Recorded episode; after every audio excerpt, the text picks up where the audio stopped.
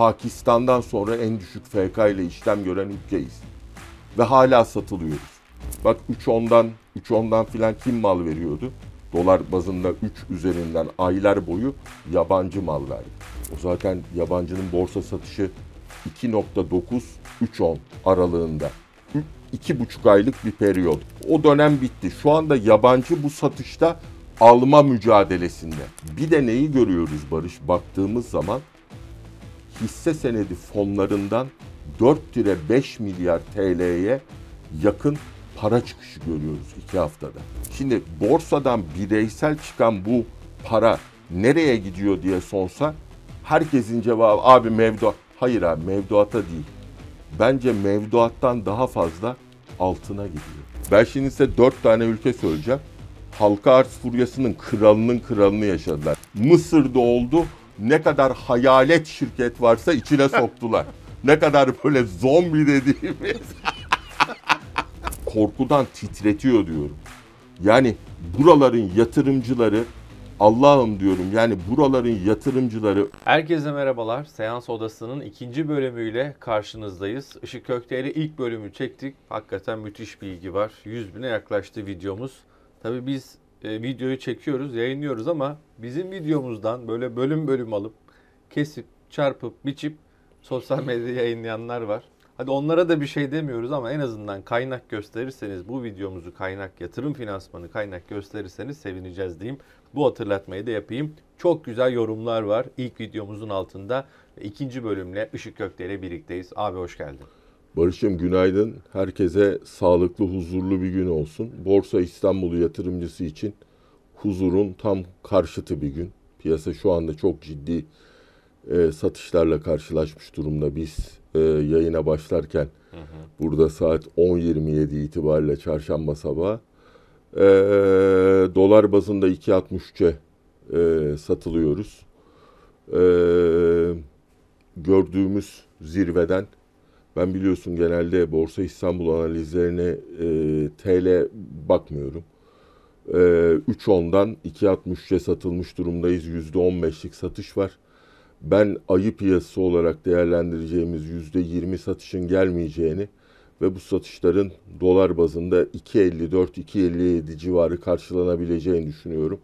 Ama biraz sonra yayında e, piyasa için çok önemli gördüğüm 4-5 tane konuya değineceğiz.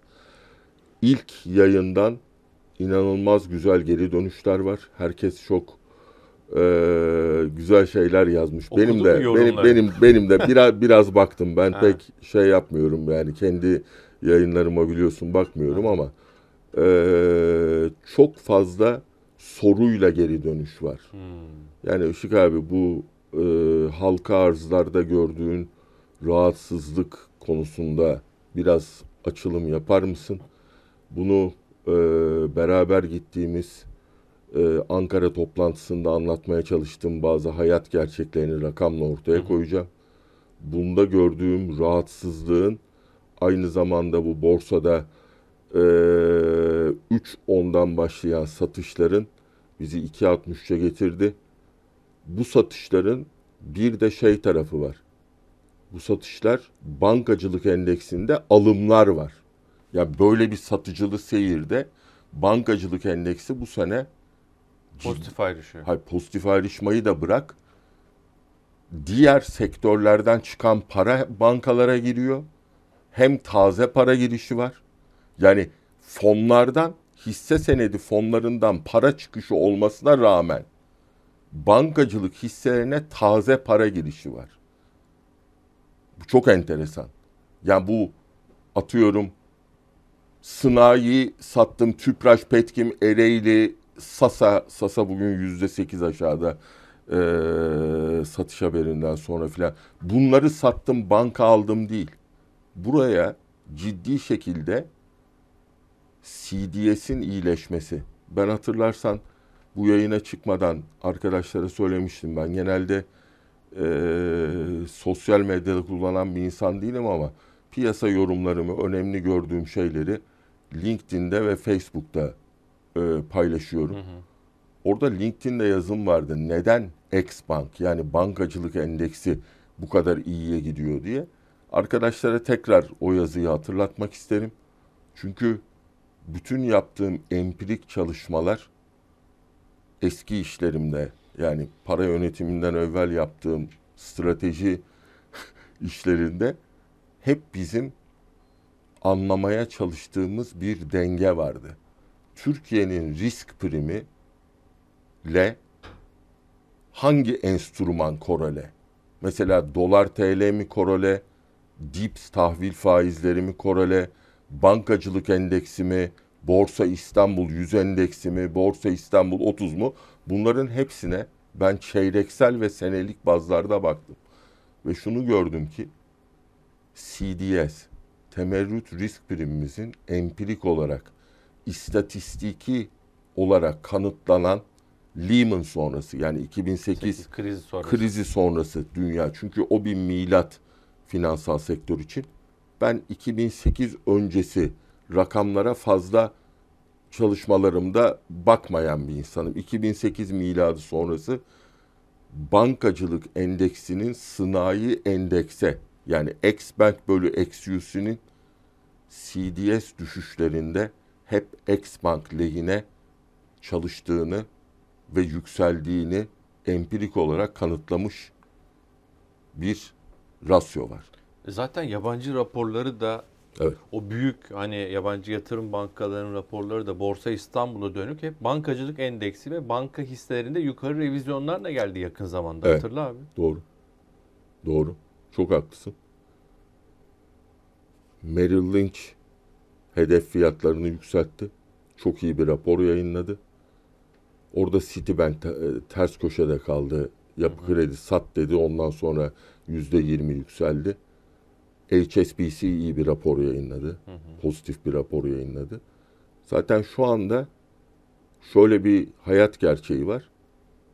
Borsamızda bankacılık endeksi diğer endekslere göre öyle yerlere geldi ki artık koçların, sabancıların filan net aktif iskonto değil, değil mi? Yani biz böyle büyük holdinglere net aktif iskonto değeriyle bakarız. Yani ben kendi kendime şu soruyu sormaya başladım. Bankacılık endeksindeki yükselme potansiyelleri gelecek 12 aylık enflasyona göre relatif yani değil mi? Neye bakar yatırımcı? Yatırım yapıyorsa. Bunu yabancı yatırımcı için de söyleyebiliriz. Türkiye kurumsal yatırımcısı için de söyleyebiliriz Barış. Özellikle holdingler ve demir çelik hisseleri bankacılık hisselerine göre çok enteresan tarihi düşük yerlere satılmaya başlandı. Yani insanların yani yatırımcıların bunu görmüyor olması da çok zor ama burada bankacılık endeksi için net trade'i devam ediyor. Bizim CDS'imiz sene başı 512 bas puandı. Kötüleşme zamanı 700-750'lere çıktı. Seçim öncesi. Seçim öncesi. Şu anda 330 bas puanlarda. E Barış insanlar ne diyor? Bizim 250'ye kadar geri çekilme yerimiz var. Ben bankaları oraya kadar alırım diyen bir yatırımcı da var. Evet. Şimdi bana en çok gelen sorulardan biri halka arz olayına gireceğim. Girmeden bankacılığa ilişkin ben şunu söyleyeyim izninle. Lütfen lütfen Ben söyle. bir hafta önce bir tweet attım. Bloomberg terminalden X Bank'ı çektim Işık abi. Evet. Bankacılık endeksi Merkez Bankası'nın faiz artışlarına başladığı Haziran ayından bu yana TL bazlı %80'den fazla yükselmiş. Hazirandan bu yana %80'den fazla getiren bir endeksten söz ediyoruz. Barış dolar bazında dolar bazında şu anda biz o bir, biraz daha satış yemişiz. Ben son baktığımda yüzde bir, 1.1 aşağıdaydık. Şimdi 7650 seviyesine çıkı- çekilmişiz 1.3. E Yani Barış 2 Ocak sabahı biz bu seneye dolar bazında 2.97'de başladık. Şu anda geldik 2.63'e. Barış bak 2.97'de başladı 2.63. Bankacılık endeksi bu sene dolar bazında dolar bazında şu hareket olurken yüzde 22. Dolar Yukarıda. bazında yüzde 22 kazandırıyor. Kamu bankalarımız kazandırmıyor hatta kaybettiriyor. Onun nedenini biliyoruz. Onun nedeni de bana göre önümüzdeki 31 Mart yerel seçimlerine girerken kamu bankalarının yine hani seçim Muslukları öncesi musluk, muslukları açıp düşük e, Faizli faizlerle vermesi evet, bu, beklentisi. bu fiyatlanıyor. Evet, bence bu bence bu fiyatlanıyor Barış. Kamu bankaları Alım daha fazla alınmama nedeni budur bu diyorsun bence. budur diyorum bence. Herkesin bu konuda değişik Fikri görüşleri olabilir. var. Hepsine saygım var. Ben biliyorsun Barış piyasaya mikro bakan bir insan değilim. Makro bazda görüş oluşturup onu mikroya indirmeye çalışıyorum. Ankara toplantısında da anlattım. Sınai endeksinin dağıldığı, koçların, sabancıların yüzde 40, yüzde 50 net aktif değer iskontosuna satıldığı bir ortamdayız. Barış gelecek 12 ay içinde MSCI Türkiye FK'sı 4.6 Beklenen fiyat. beklenen FK. Pakistan'dan sonra en düşük FK ile işlem gören ülkeyiz. Ve hala satılıyoruz. En çok sor- sorulan sorulardan biri bana. Işık abi kim mal satıyor? Bireysel mi satıyor? Hayır kardeşim. Bireysel filan mal satmıyor. Kim mal sattığını çok değerli kardeşim Tankut Taner Çelik'le beraber bunu irdeledik. Kimin mal sattığı ortada. Çok net. Son 10 işlem gününde kamu banka aracı kurumlarından 2,5 milyar TL'lik mal satışı var. Biz bu mal satışının oranın borsa yatırım fonu hani 2023 Mayıs seçimleri öncesi stabilizasyon görevi gören. Stabilizasyon görevi nedir? Gelip yüksek montanlı satışlarda bit koyup alım girip stabilizasyon görevi gören bir borsa yatırım fonu kurulmuştu. Onun satışlarını görüyoruz. Ha onun satışları geliyor 31 Mart değil mi seçimler var. O tekrardan devreye girecektir bence o fon. Çünkü ben 8.1 milyon borsa yatırımcısının olduğu yerde seçimlere girerken borsanın hükümet tarafından kötü gö- kötü bir yatırım aracı olarak gösterilmek isteneceğini hiç sanmıyorum Barış. Bu BYF dediğimiz olgu tekrar stabilizasyon görevine gelecektir. Ama nerede gelecektir? Dolar bazında 2.54'te 2.57'de oralarda gelecektir. Bak 3.10'dan 3.10'dan filan kim mal veriyordu? Dolar bazında 3 üzerinden aylar boyu yabancı mal verdi. Kasım ayında yabancı girişi var diye evet. görüyoruz değil mi borsa? Tabii. Çok tabii. büyük olmasa da. Şu anda şu anda yabancı borsayı satmıyor. O zaten yabancının borsa satışı 2.9 3.10 aralığında. 2,5 aylık bir periyot 10 hafta o dönem bitti. Şu anda yabancı bu satışta alma mücadelesinde. Bak bu satışta Alma mücadelesi. tabii bu satışta şimdi bir tane büyük makinanın bir tane büyük makinanın mal verdiğini görüyoruz. Kamu bankalarının satışlarını bence frontlayan bir makine o. En büyük satıcı o son iş, son 10 işlem gününde. Bir de neyi görüyoruz Barış? Baktığımız zaman hisse senedi fonlarından 4 4-5 milyar TL'ye yakın para çıkışı görüyoruz iki haftada. Bak Hisse Bu- senedi fonlarında. hisse senedi fonlarından para çıkışı görüyoruz. O para çıkışı sonuçta vatandaş fonunu, hisse fonunu bozdurmak Evet. istiyor da oluyor değil mi? Olabilir, olabilir, olabilir. Hı. Buna iki, iki yönlü bakmak lazım Barış. Bir tanesi senin dediğin yöndür. Ki doğrudur. Vatandaş parasını bugün 1 milyon TL'ye bankacılık sektöründe yüzde 46'ya para bağlayabiliyor musun? Çok rahat. Rahat. bağlarsın. Rahat. Sevgili kardeşim bankacılık sektörünü en iyi bilenlerden biri olduğuna inandığım, çok uzun seneler beraber çalıştığım Mete Yüksel'i dinledim. Mete Yüksel kardeşimiz ne diyor? Çok yakında yüzde 50 üzeri mevduat rakamlarını göreceğiz diyor Barış bankacılık sektöründe.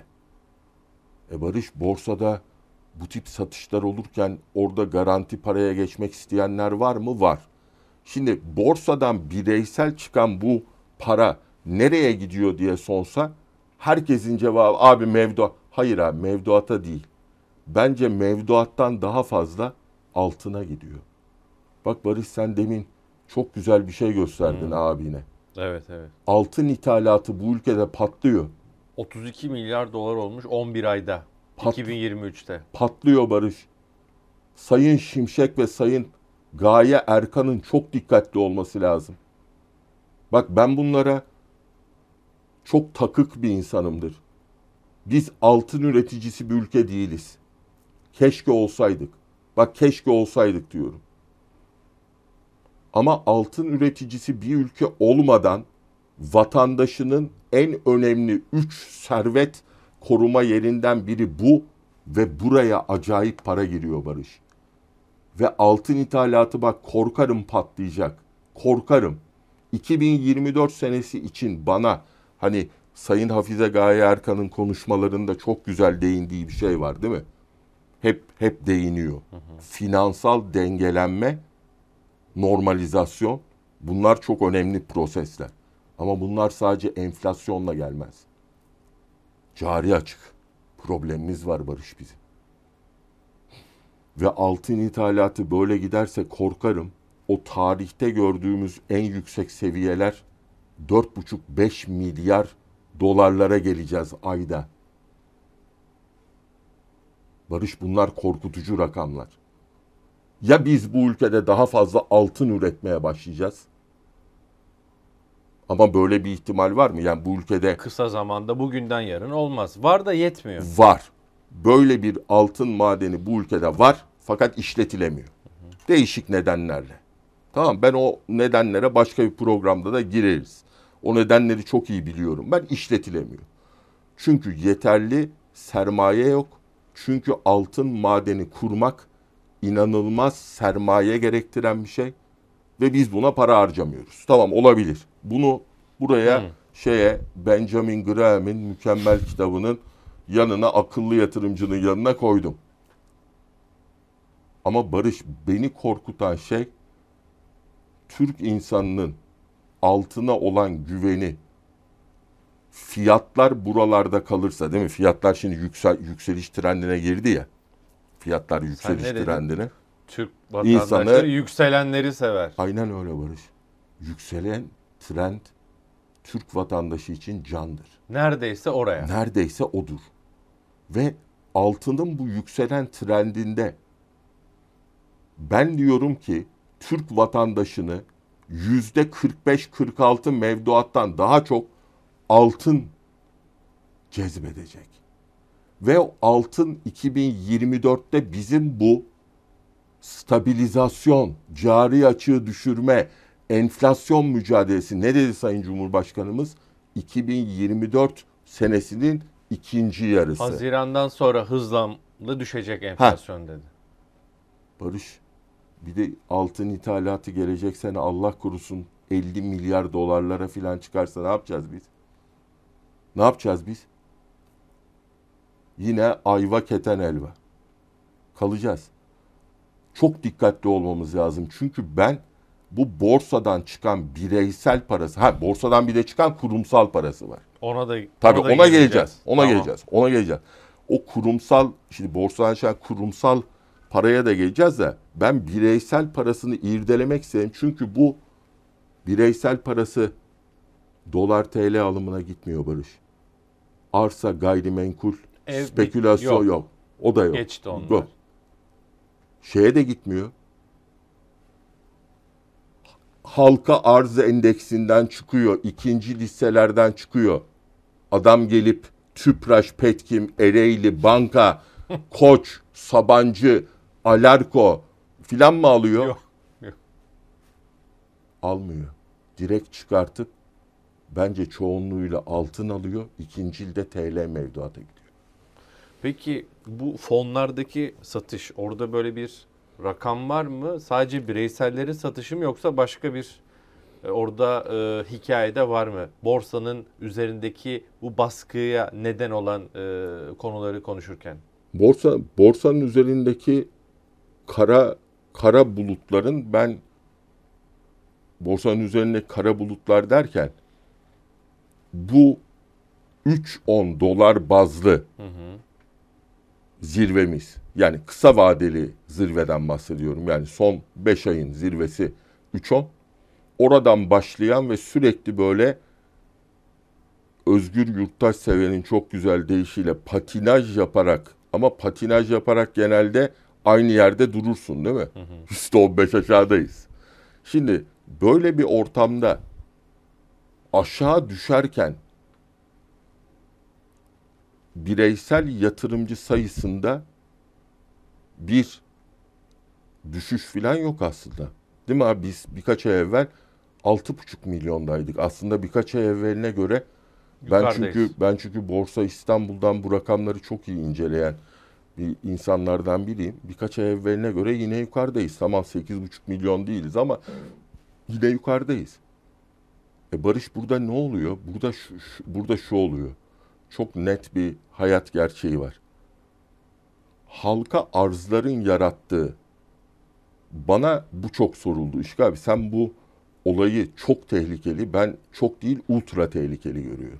Bayağı bir paylaşıldı. Evet, tabii ultra tehlikeli görüyorum. Çünkü Barış sen genelde ben halka arzların çok yüksek seviyede olduğu borsaları Amerika'daki kariyerimde defalarca incelemiş bir insandım. Mesela halka arzların çok yüksek olduğu borsalara çok örnek verebilirim. Böyle zaman zaman biz sadece şimdi Borsa İstanbul'da halka arz furyası yaşıyoruz ya pandemiden beri. Sadece bizde mi oldu diyeceksin. Ha.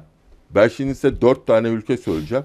Halka arz furyasının kralının kralını yaşadılar. Bizim bi- bi- bizimki yani böyle solda şey kalır ya şurada içtiğimiz çay parası kalır. Bunlardan bir tanesi Kore, bir tanesi Brezilya, bir tanesi Çin, bir tanesi de Mısır. Şaka. Bunlarda da oldu yani. Halka arz furyasının kralı, Kralı oldu oldu, diyorsun. buralarda. İnsanlar Çi- Çin'de Çin'de oldu. Başta emlak hisseleriyle. Kore'de oldu teknoloji hisseleriyle.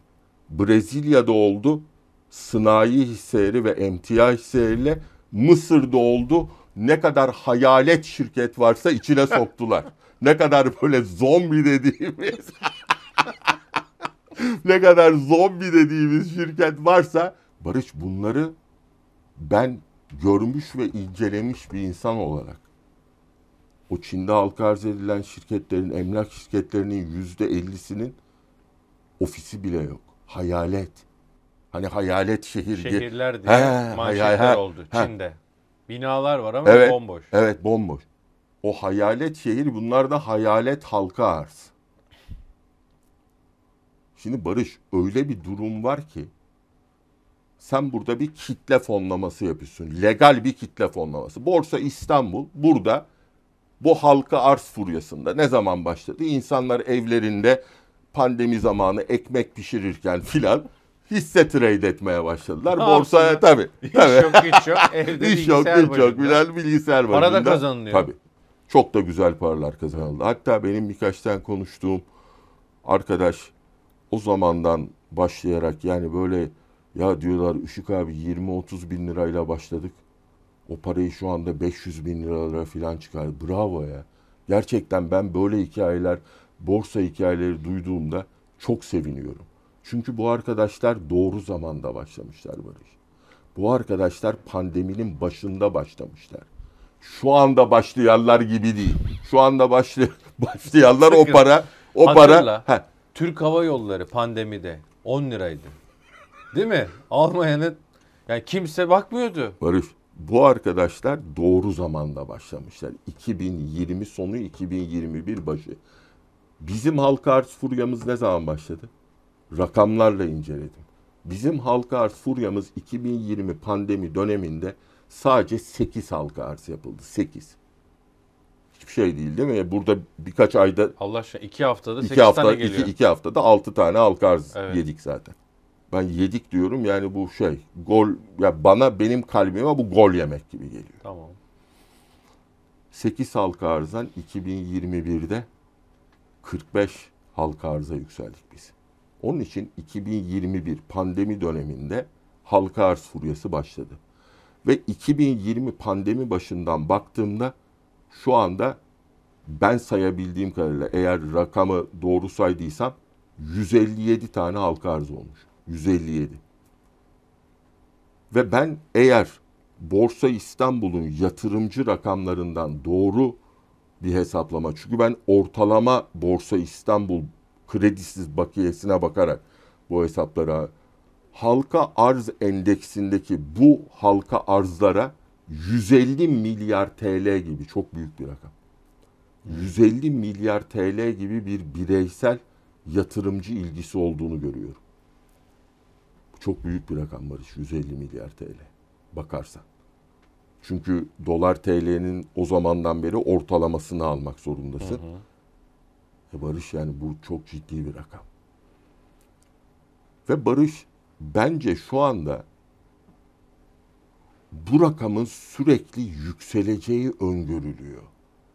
Bir sen havuza yeni su koyup alttan su çıkmasına izin verirsen o havuz yine dolu kalmaya devam eder. O alttan çıkan suyla sen neydi belirsiz hayatında bir bankadan 1 lira borç alamayacak şirketleri de halka arz edersin. En kaliteli şirketleri de halka arz edersin. Hiçbir problem olmaz. Bazıları kazanır, bazıları kaybeder. Herkes yoluna devam eder. Fakat sen o musluğu, havuz musluğunu kapatırsan, hatta o havuzdan birileri kovayla kovayla su eksiltmeye başlarsa bir Mev, de mevduata altına. Evet, mevduata altına gidişle bir de o havuzdan e zaten havuzdan para çıkıyor sürekli. Hmm. Borsa İstanbul SPK halka arz kabul ediyor. Sürekli para çıkıyor değil mi?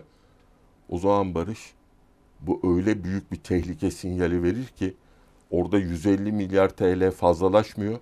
Hatta belki de ileriki dönemde düşmeye devam edecek. Ben Ankara'daki konuşmamda ne dedim? Bu 157 tane şirketin büyük ihtimalle varış 15-20 tanesi. Bak bunu biliyorum yani bu şirketlere hmm. baktığımda.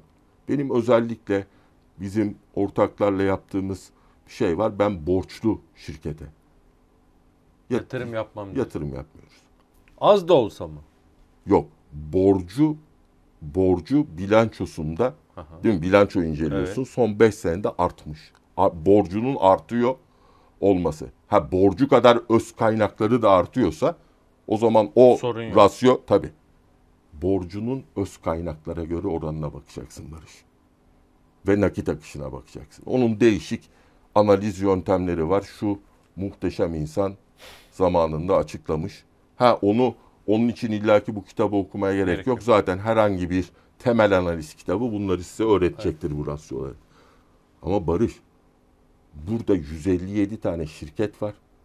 15-20 tanesi ne dedim Ankara konuşmamda?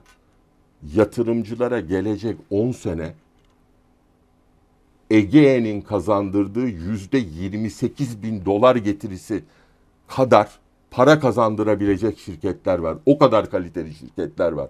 Halka arz endeksimizde. O kadar kaliteli. Yüzde? Yüzde dolar bazında Egean son 10 senede dolar bazında yüzde 28 bin dolar bazında. Bin yüzde 28 bin dolar bazlı getiri sağlamış Abi, bir hisse. Bir şey biz niye tamam. pro, kap, kapatalım ya. Ha, program, ya programı, programı kapatalım. Yani programı yapalım. Şurada sokakta kaba, şur, şur, şurada ha? sokakta Kabataş Fındıklı'da yürüyüp şey Galata Port'ta takılalım değil mi abi? Yani yüzde 28 Tabii. bin dolar baz. Barış her zaman söylerim.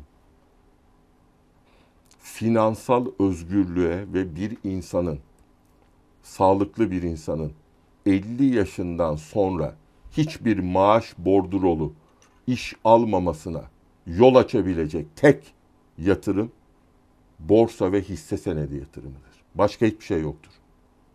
Ha ama buna 20'li yaşlarda başlaman lazım. 20'li yaşlarda başlaman ve doğru hisseleri, sektörleri belirleyip hisse biriktirmen. Tekrar halka arz konusu. Ben iddiaya girerim insanlarla. İnşallah Allah 10 sene daha ömür verirse İnşallah.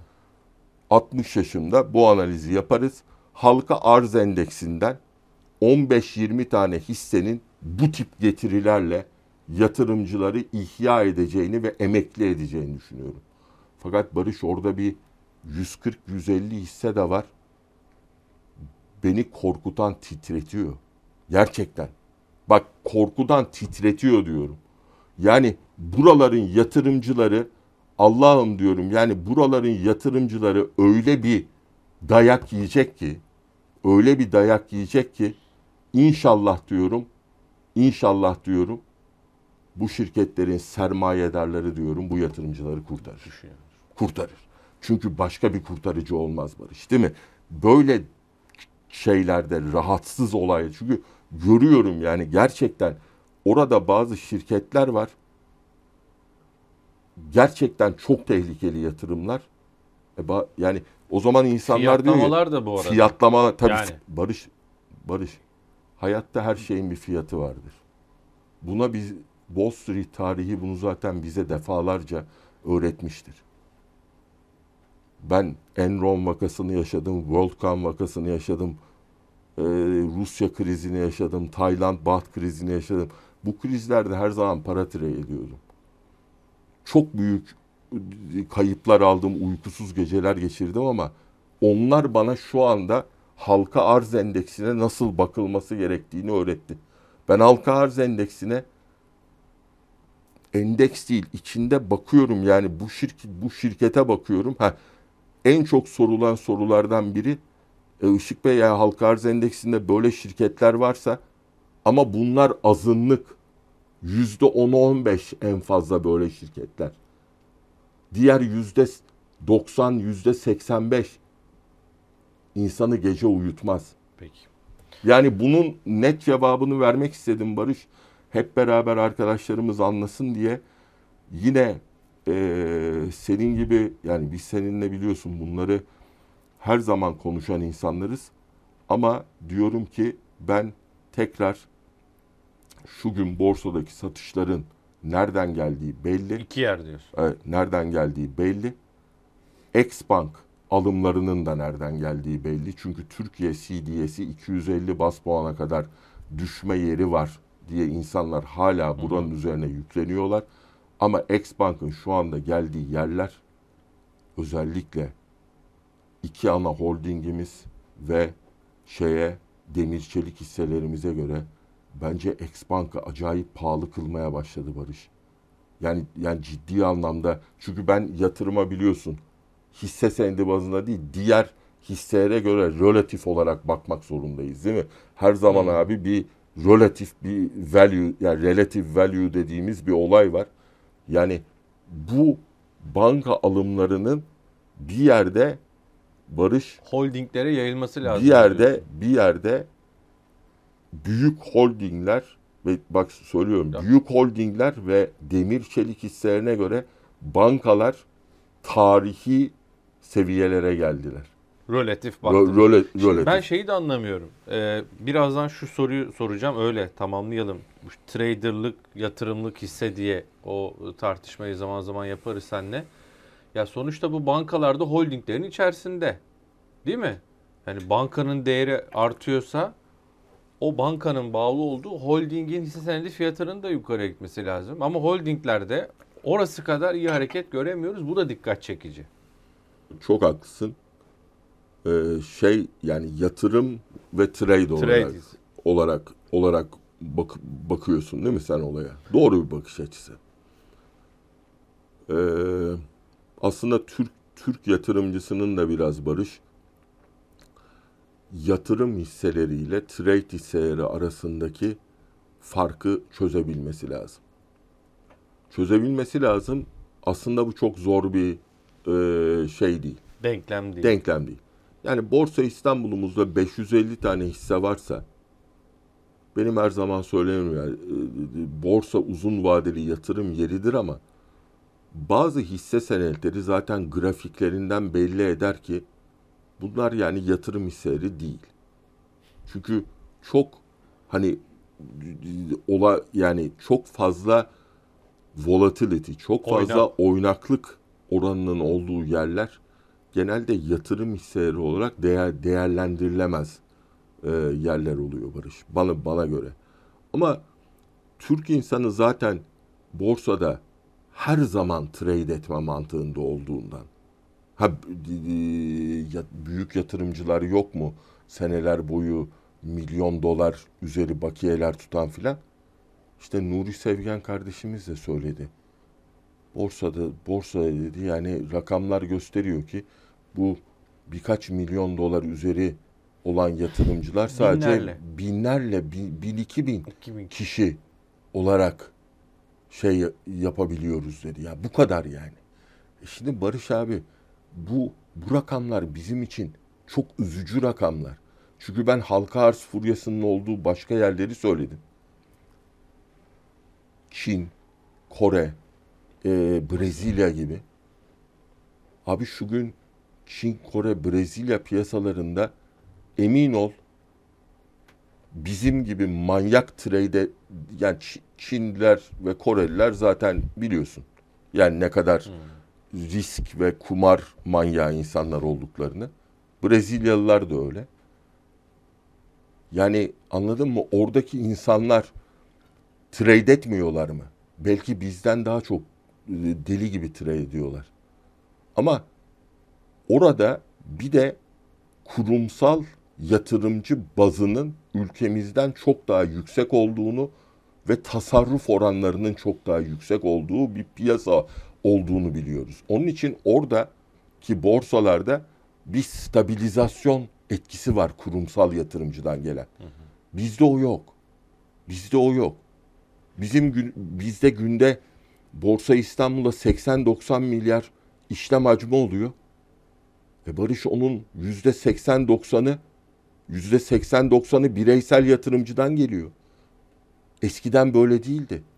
Ya yabancı yatırımcının olduğu bizim swap kanallarını açık tutabildiğimiz zamanlar böyle değildi.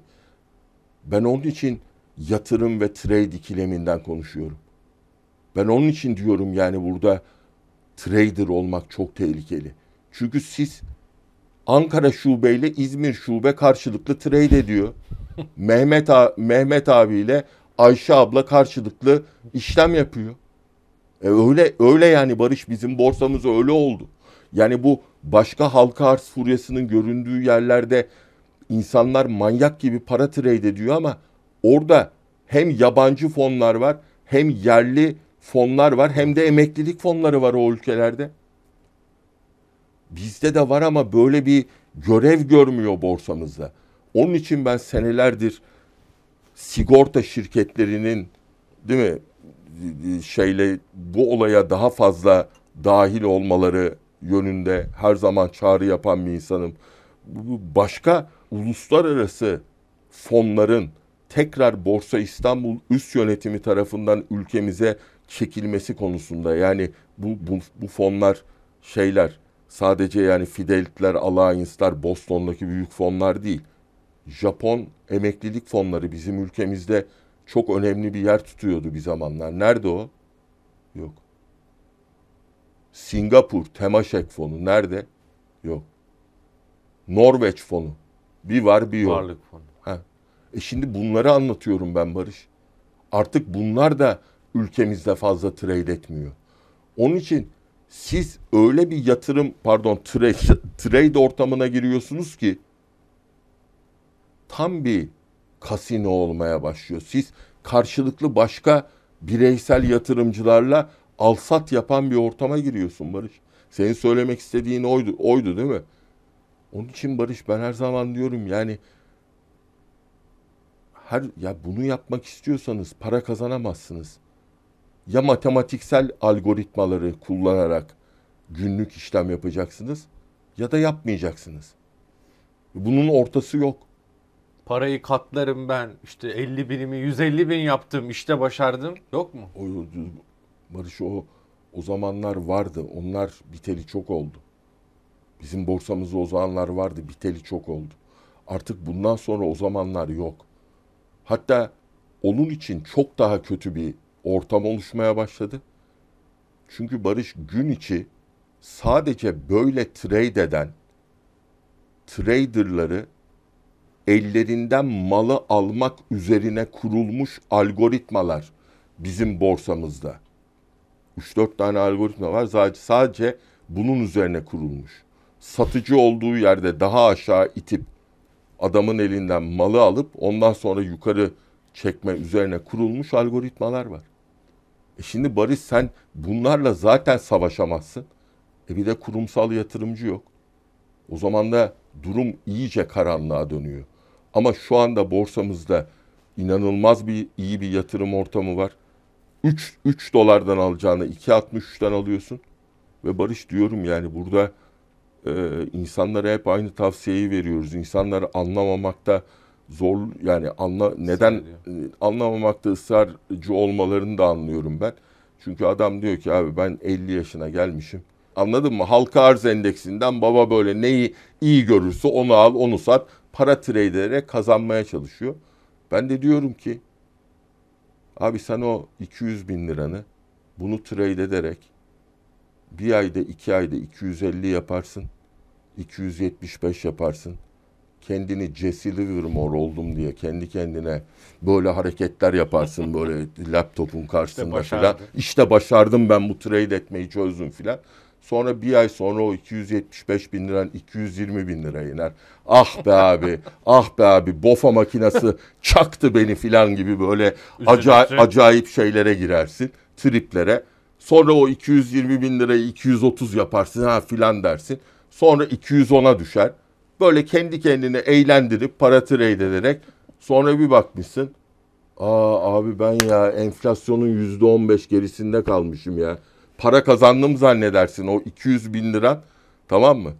O 200 bin lira sene sonunda 260 bin lira olur. Bir de %50 mevduat faizini Heh. kaçırmışındır. Ha ondan sonra ondan sonra sana arkadaşın der ki şimdi bak bir de şu var. Yüzde otuz getiri yapmışsındır. Enflasyonun ve mevduatın gerisinde kalmışsındır. Bir de ondan sonra bunun en kötüsü senin arkadaşın o sene iyi olan hisselere yatırım yapmıştır kankan. Gelir baba der ki ya abi ben de bu sene biliyorsun Akbank almıştım. ben de bu sene Banka almış. 48 liradan garanti almıştın filan. Sen var ya senin psikolojin o anda kendini 3-4 ay evvel Jesse Livermore zannetmekten senin psikolojin okyanusun dibine doğru ayağına taş bağlanmış şekilde inmeye doğru gider. Ve sen konuşmada anlattım. Geceleri psikolojik olarak uyuyamamaya başlarsın. Bak uyuyamamaya ve o ufacık 200 bin lira yatırımını Allah'ım filan deyip tamam mı? Ne yapacağım ben? Sen bir yerde onu bir portföy yapıp unut, unutsan ve doğru hisselere girsen o portföy enflasyonu ciddi şekilde yenecek. O sene 320 bin, 350 bin kapayacak. Ama sen trade ede ede 260 kapadı. Herkesin arkasında şey yapmışsın, Kalmış. kalmışsın. Sen yeni seneye acayip bir psikoloji içinde ben hep kaybeden mi olacağım? Mağdur küçük Emrah ruhuyla girersin. Un kapanı içerisinde küçük Emrah'ın değil mi böyle nefis görüntüleri olan filmler vardır. Simitçinin filan yanında böyle şey filan ağlar. Sen bu görüntüyle girersin abi. Işık Kökte. Teşekkürler. Ben teşekkür ederim hocam. burada, burada bırakalım. Ee, Valla sohbet gerçekten gerçekten çok e, lezzetli. Konuşsak sabaha kadar konuşacağız. Abone olmayı unutmayın. Yatırım Finansman YouTube kanalına. Bu yayını beğenmeyi de unutmayın. Işık Kökte de söyledi. Yorumların hepsine bakıyoruz. Ee, 500'ü aşkın yorum vardı bir öncekinde. Sorularınızı da lütfen yazın ki sorulara da Işık Kökte dikkat ediyor. E, bu videonun altında beğenin, sorularını yazın, yorumlarınızı yazın ve Yatırım Finansman YouTube kanalına abone olmayı da unutmayın. Seans Odası'nın bir sonraki bölümünde buluşmak üzere. Yatırım Finansman